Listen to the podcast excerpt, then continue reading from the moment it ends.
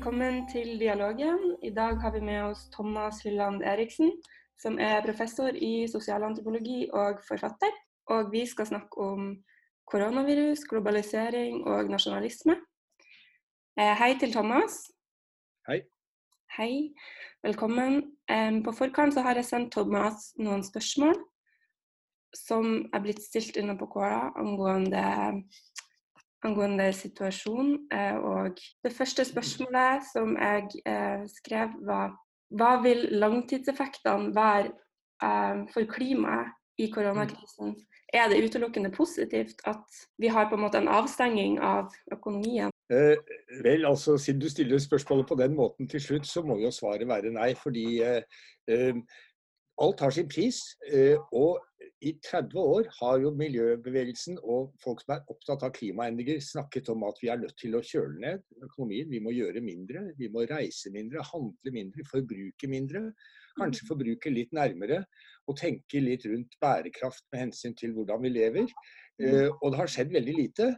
Eh, og nå får vi dette her kastet etter oss ufrivillig, ufrivillig, sant, som en katastrofe, som en global krise, som selvfølgelig får enormt store konsekvenser for økonomien eh, i, i praktisk talt alle land. Eh, og det skal vi komme tilbake til etterpå, tror jeg. fordi noe av det som er viktig å huske på her, det er at vi er nå veldig mye mer sammenvevet og avhengig av hverandre, og derfor også sårbare enn vi har vært noen gang tidligere i verdenshistorien. Og ting går veldig fort.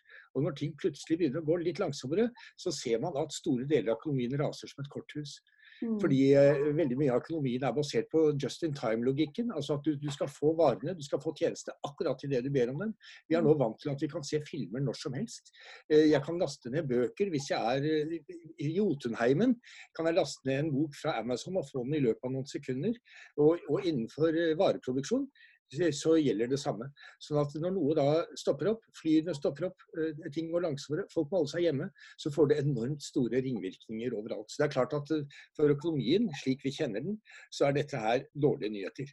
Men kanskje det kan være bedre nyheter for økonomien slik vi ikke kjenner den.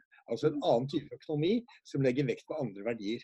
Eh, og når det gjelder klima, er det ingen tvil om at koronaviruset er gode nyheter. Altså jeg hørte det var en som sa at eh, det er nesten så man ser for seg at koronaviruset liksom legger armen rundt Greta Thunberg og sier 'jeg hjelper deg litt', jeg.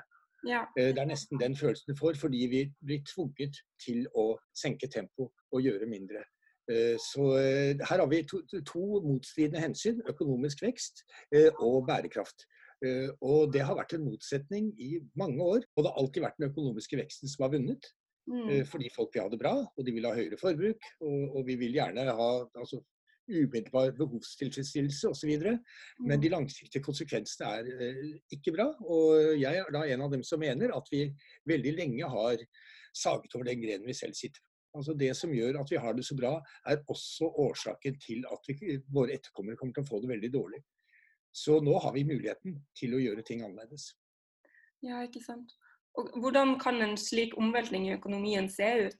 For det første så eh, vil man kunne tenke som så at hvis vi ser på verdensøkonomien de siste 40 årene siden vår tids globalisering virkelig tok av, med nyliberalismen, 30 år siden murens fall, hele verden med unntak av noen små outliere som Nord-Korea, eh, var integrert i et globalt nettverk av handel og produksjon og forbruk. Hvis vi, hvis vi ser sånn på det, så, så har det vært en eh, altså en, en, sammenhengende vekst uh, i uh, produksjon forbruk som har vært helt enestående. Altså Man snakker om en firedobling av verdens bruttonasjonalprodukt på 40 år. Mm. Og det er, jo, det er, jo, ganske dramatisk. Uh, men det har også ført til produksjon av nye former for ulikhet. Altså det som er et faktum er at Det har alltid eksistert rike mennesker, men de som er rike nå, de er veldig mye rikere enn de som var rike før. Og det har alltid eksistert store firmaer som eh, tar seg til rette får det som de vil, men de store firmaene er nå veldig mye større enn det de var. Noe som gjør at lokalsamfunn over hele verden blir overkjørt fordi de har ingen sjanse til å stille opp. Altså Hvis du er en, eh, en, bonde på Borneo og du er misfornøyd med at noen anlegger en gruve der fordi du blir drevet bort fra området ditt, så kan du jo sende en mail da, til hovedkvarteret i New York ja. og se hva som skjer. Altså Det er så stor avstand mellom den lille skalaen og den store. Unnskyld. Dette er ikke det du tror, det er bare litt, en lett vinterforkjølelse. Ja. Så eh, det, det, som er, det som er eh, viktig å tenke på her da, er at den økonomien vi har hatt nå, det økonomiske verdenssystemet vi har hatt nå en stund, det har i hovedsak ført til at ekstremt rike mennesker eh, blir enda rikere. Mm. Meningsløst rike mennesker blir enda rikere. Mm. Ja da, folk flest har også fått det bedre, og det skal vi ikke legge skjul på. Folk i India har fått do, mange har fått strøm, ikke sant. De har fått noen kroner så de kan eh, kjøpe seg en skoleuniform til sine barn. Altså masse positivt å si om det. Men eh, den økonomien som vi kan se for oss, den er kanskje ikke basert på å produsere overskudd, rikdom, for folk som allerede er ekstremt rike, men å tilfredsstille menneskelige behov. Og da får vi et helt annet blikk på økonomien.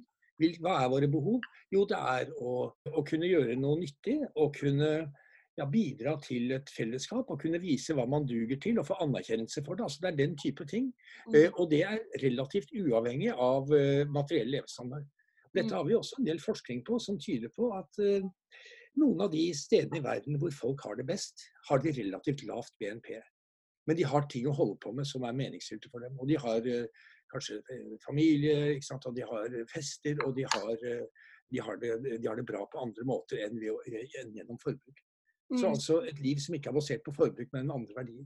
Det kan vi tenke oss at vi burde gå i retning av. Og det vil i så fall være helt i tråd med anbefalingene fra FNs klimapanel. Ja, absolutt. Så det handler i stor grad om eh, omveltning til selvforsynelse. Det er jo et omstridt spørsmål, og det er kanskje å ta det litt langt. Altså, de fleste land i verden, et land som Norge f.eks., vil ikke kunne være selvforsynt med hensyn til mat. Nei. Steder hvor jeg har jobbet mye som antropolog, tropiske øyer eh, i Karibien og, og, og Det indiske hav, de vil aldri kunne være selvforsynte fordi det er for liten skala. De kan ikke produsere alt de trenger.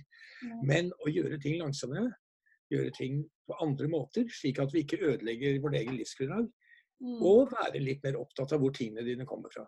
Det tror jeg er en, eh, en, en, en nødvendighet som presser seg frem her. Men vi må passe på så det ikke fører til negative ting. Mm. Eh, og dem er det også mange av. Som Mm. tilbaketrekning, eh, rasisme, nasjonalisme, den type ting. Ikke sant. Som er en helt klar mulighet sant, som et resultat av koronakrisen. Som Mm. minner oss om hvordan globaliseringen har eh, skapt ikke bare velstand, men også sårbarhet. Ja. Dette ble vi jo minnet om egentlig. altså du er nok for ung til å huske det, men eh, i 2001, da USA ble angrepet eh, gjennom eh, altså at passasjerfly ble brukt faktisk som missiler Mm. mot World Trade Center og mot Pentagon, så Mm. ble vi minnet om det at globaliseringen, som da alle hadde snakket pent om på 90-tallet, var, 90 var en begeistret tid. Da man eh, så globaliseringen som en mulighet til å tjene mer penger, til å få nye opplevelser, til å få impulser. Og det var til og med globalt demokratiserende fordi alle nå skulle få lov til å være med. Mm.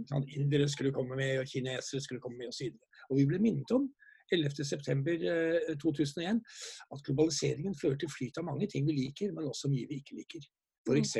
terrorisme. Fordi det skaper en åpenhet. Og koronaviruset eh, har jo noen likheter, selv om det ikke er eh, onde krefter som står bak. Noen likheter, Så det minner oss om den sårbarheten. Så vi er nødt til å sortere litt med hensyn til globaliseringen. Det er ikke alt vi ønsker. Eh, og det er ikke alt som, eh, som vil gjøre verden til et bedre sted. Og det må vi finne ut av. Det er ikke sånn at man er for eller mot globalisering. Det er litt som å være for eller mot Golfstrømmen, for den er her.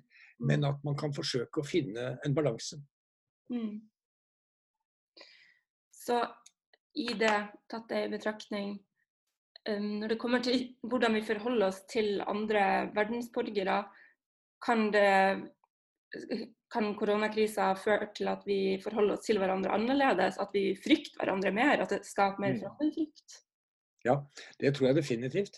Og dette tror jeg vi kan se eh, både i det lille og i det store. For det er gjerne sånn at det lille speiler det store omvendt. Så vi ser det på, på geopolitisk nivå. ikke sant? Hvordan vil forholdet mellom stater være? Jo, nå har jo USA og Kina, som ikke har hatt en veldig god relasjon i det siste uansett, de har fått en enda mye dårligere relasjon. Fordi de driver og skylder på hverandre og, og, og kaster dritt på hverandre. Men vi ser det også i det lille gjennom økt mistenksomhet. ikke sant? Altså at vi, vi må holde avstand. Samtidig ser vi også det motsatte. Det er jo ikke enten-eller. Altså I, eh, i sosialteorien snakker vi av og til om mennesket som homo duplex. At vi er to. Vi har både det gode og det onde i oss. Vi har både det solidariske og det egoistiske. Eh, nå, nå, skal vi ikke diskutere om den modellen har noe for seg, men vi ser den jo faktisk i praksis. Eh, eh, også i det lille. Folk hjelper hverandre mer, men de unngår også hverandre mer. Ja. Mm. Så eh, vi har et valg. Absolutt. På, på, samme måte som vi kan velge å hva er det norske ordet for hoard? Eh, når vi kjøper en massekjøp. Ja, ja, ja. Eh, hamstring. Ja. Hamstring. Ja, det er et eksempel på usolidarisk handling. ikke sant? Fordi du tenker ikke på de som kommer etter deg i køen. Eh, altså Jeg baker mye brød, og jeg måtte til min fortvilelse eh, erkjenne her forleden at det ikke var mel å få tak i i noen av butikkene i nærheten. Eh, fordi noen hadde kjøpt alt melet. På den annen side så er det nå en studie som nettopp kom, som viser at uh, i Norge var det ca. 20% altså, som kjøpte mer enn de trengte. 20% som hamstret. Og resten gjorde ikke det. Ja. Så, så, det er ikke så ille.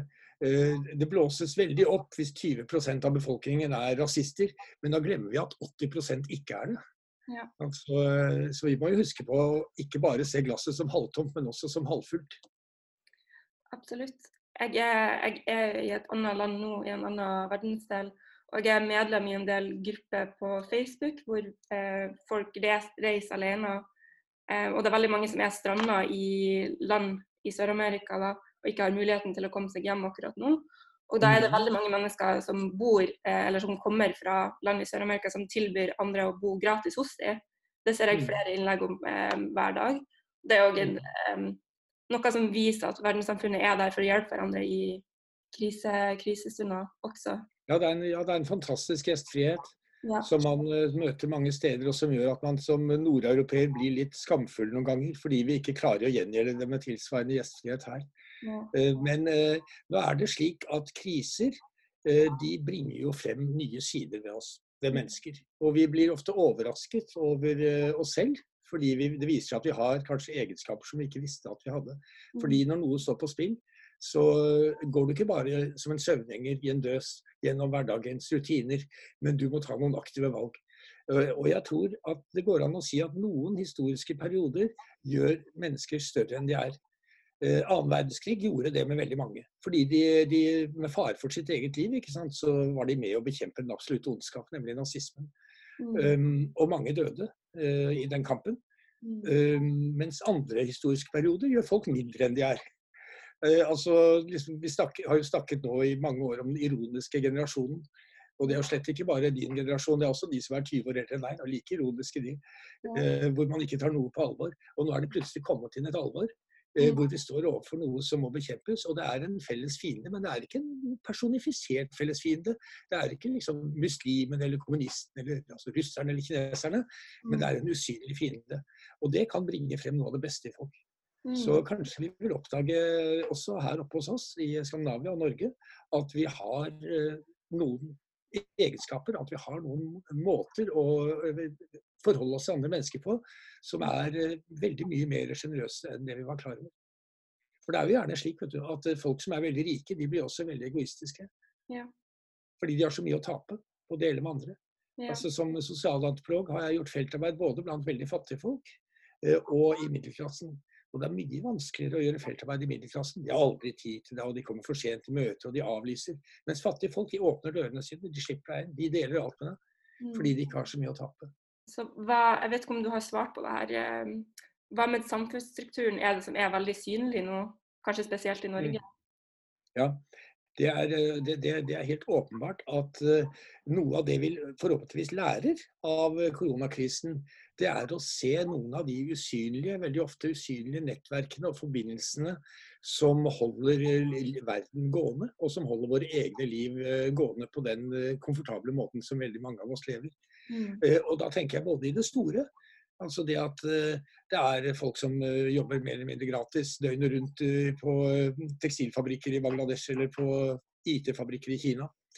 Um, som gjør det mulig for oss å ha kjøpesentre. Altså vi har sportsbutikker som dekker et helt kvartal. ikke sant?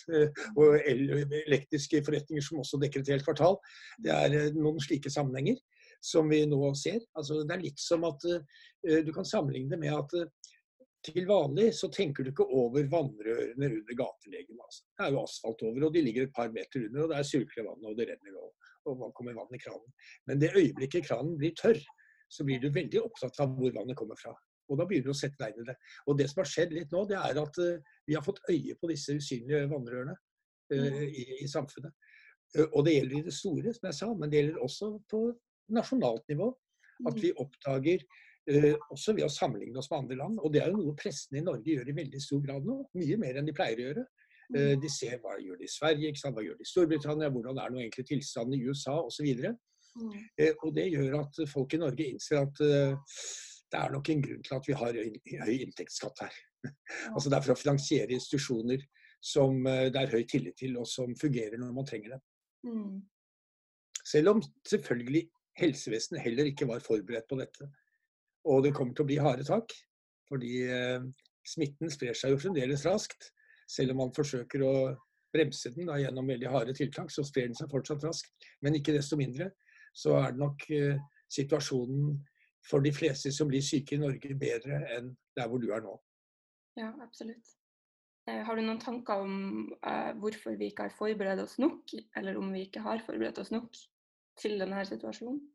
Jeg tror ikke man kan forberede seg nok til situasjoner av denne typen. Altså, samme spørsmål ble stilt etter terrorangrepet 22.07.2011 i Norge.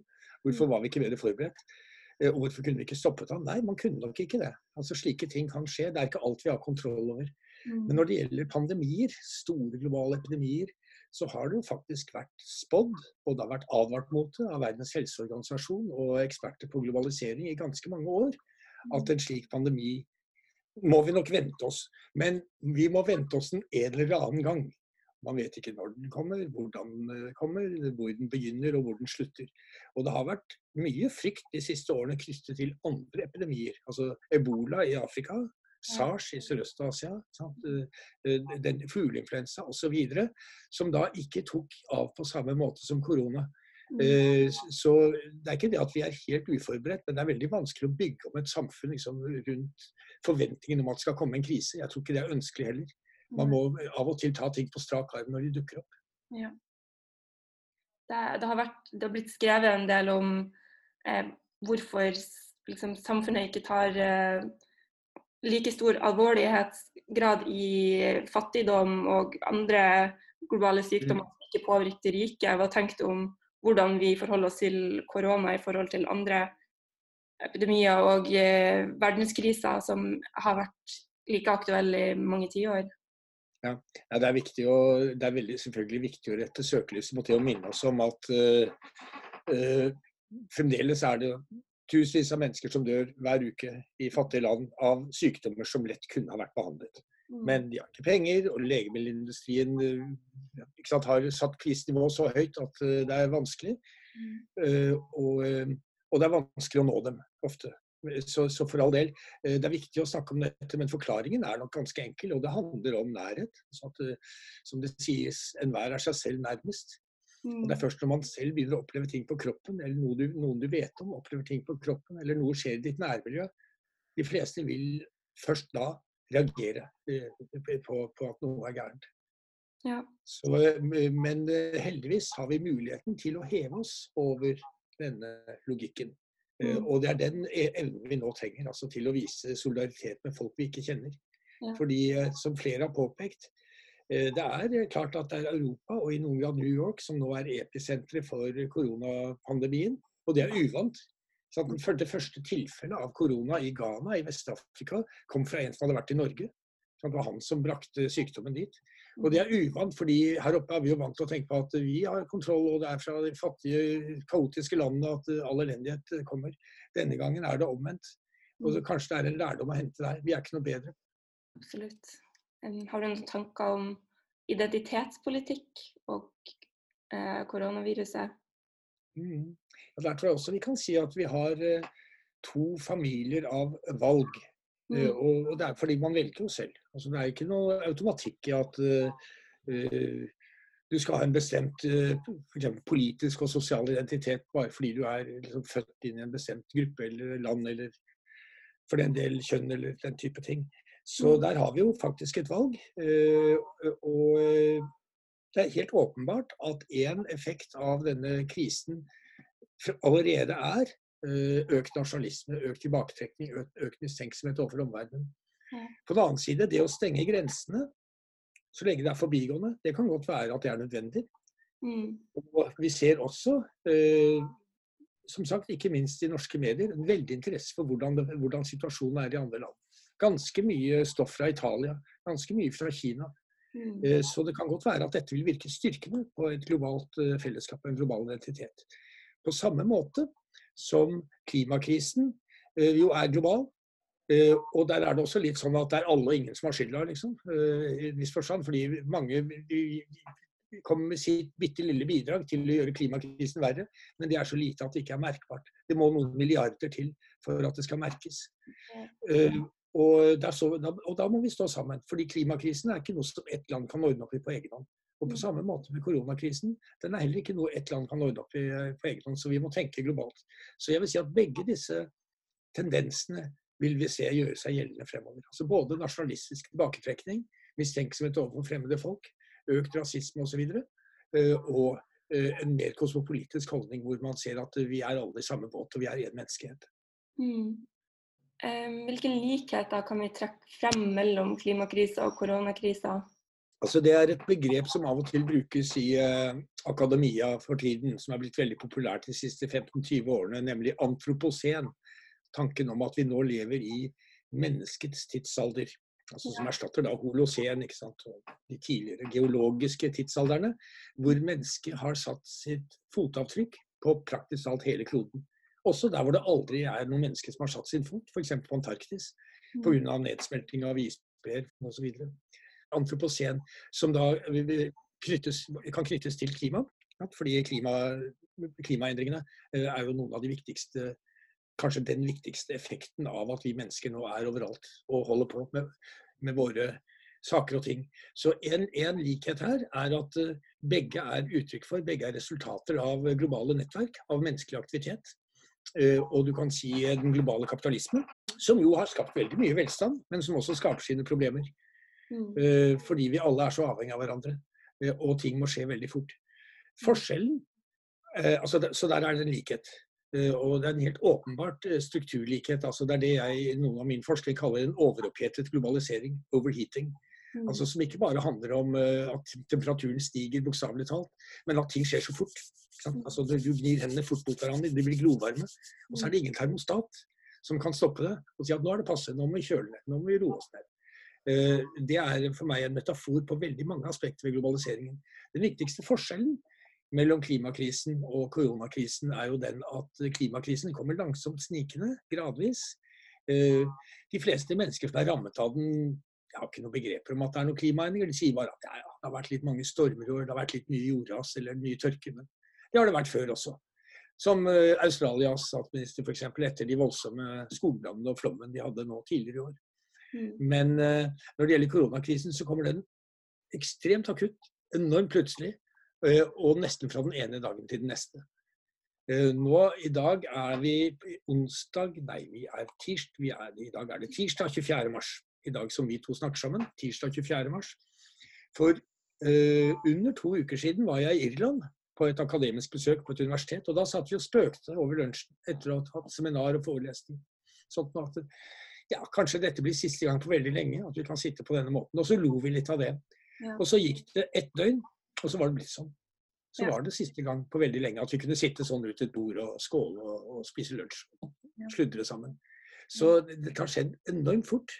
Uh, og myndigheter over, i alle land har jo vært nødt til å improvisere. Ja. Fordi de ikke har noe uh, De har ikke noen modell. Når det gjelder klimakrisen, så kan man planlegge ting mer langsiktig og mer langsomt. Men kanskje, som jeg var inne på innledningsvis, hvis man skal gjøre noe med klimakrisen, kanskje det var en global krise av denne typen som skulle til. Og at det kan minne litt om at uh, altså, ting må skje fort. At du, hvis du har hårete legger, sånn som enkelte menn har, så har du et plaster på en hårete legg, så må du rive av deg det plasteret. Så gjør det kjempevondt idet du river det av deg, men så gir det seg veldig fort. Men du må gjøre det fort. Det er akkurat som å, å, å vasse ut i kaldt vann når man skal bade. Uh, du, du, må ikke vasse langsomt, du må stupe uti, og da får du et sjokk. Men det er veldig mye bedre enn å gjøre det langsomt. Så det kan hende at det er en sånn eh, akutt Eh, rask eh, krise som skulle til for at vi skulle tenke oss om å Ja, og, og, rett og slett se oss selv litt utenfra. For det er jo det som er det unike her. At nå har vi muligheten til å se oss selv litt utenfra fordi vi har fått en pause. Vi har, vi har trykt på pauseknappen, rett og slett. Og ting står litt stille. Det er stille i gatene, det er stille på arbeidsplassene.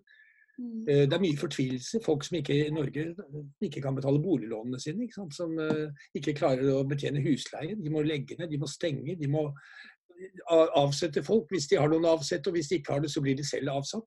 Så det er jo dramatiske ting som skjer i folks liv.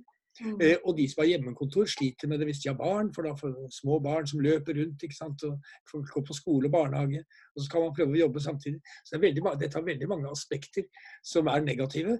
Men samtidig så kan det tenkes at eh, vi får noen mellomrom hvor vi får mulighet til å tenke litt annerledes om hva slags samfunn og hva slags verden vi ønsker å ha. Absolutt. Det er tider for um, selvreflektering. Det... Ja, det er det. Og for, eh, og for, ettertanke, hvor man ser at globaliseringen har løpt løpsk. Særlig den økonomiske og teknologiske globaliseringen. Mm. Uten bremser. Som jeg sier, det er en oppvarming som skjer uten termostat.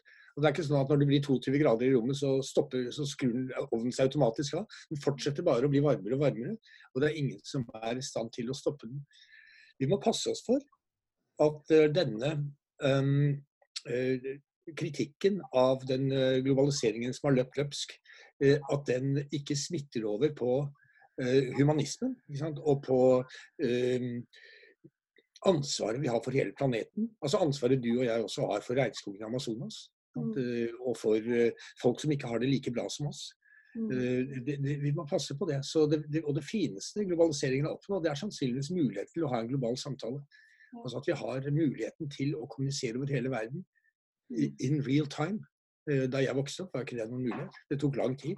Og det hendte at vi fikk noen TV-programmer fra Afrika, men det var, eh, det var sjelden. Og vi visste ikke noe særlig om eh, Indonesia. Men mm. situasjonen nå er helt annerledes. Så den, den muligheten må vi ikke gi slipp på selv om vi bli enige om å bremse den økonomiske globaliseringen.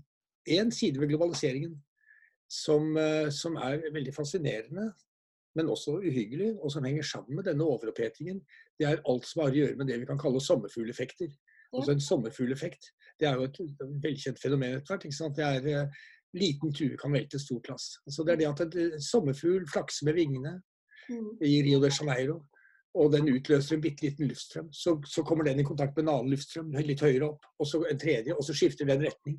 Og før du vet ordet av det, er det orkan i Karibia og snøstorm i New York.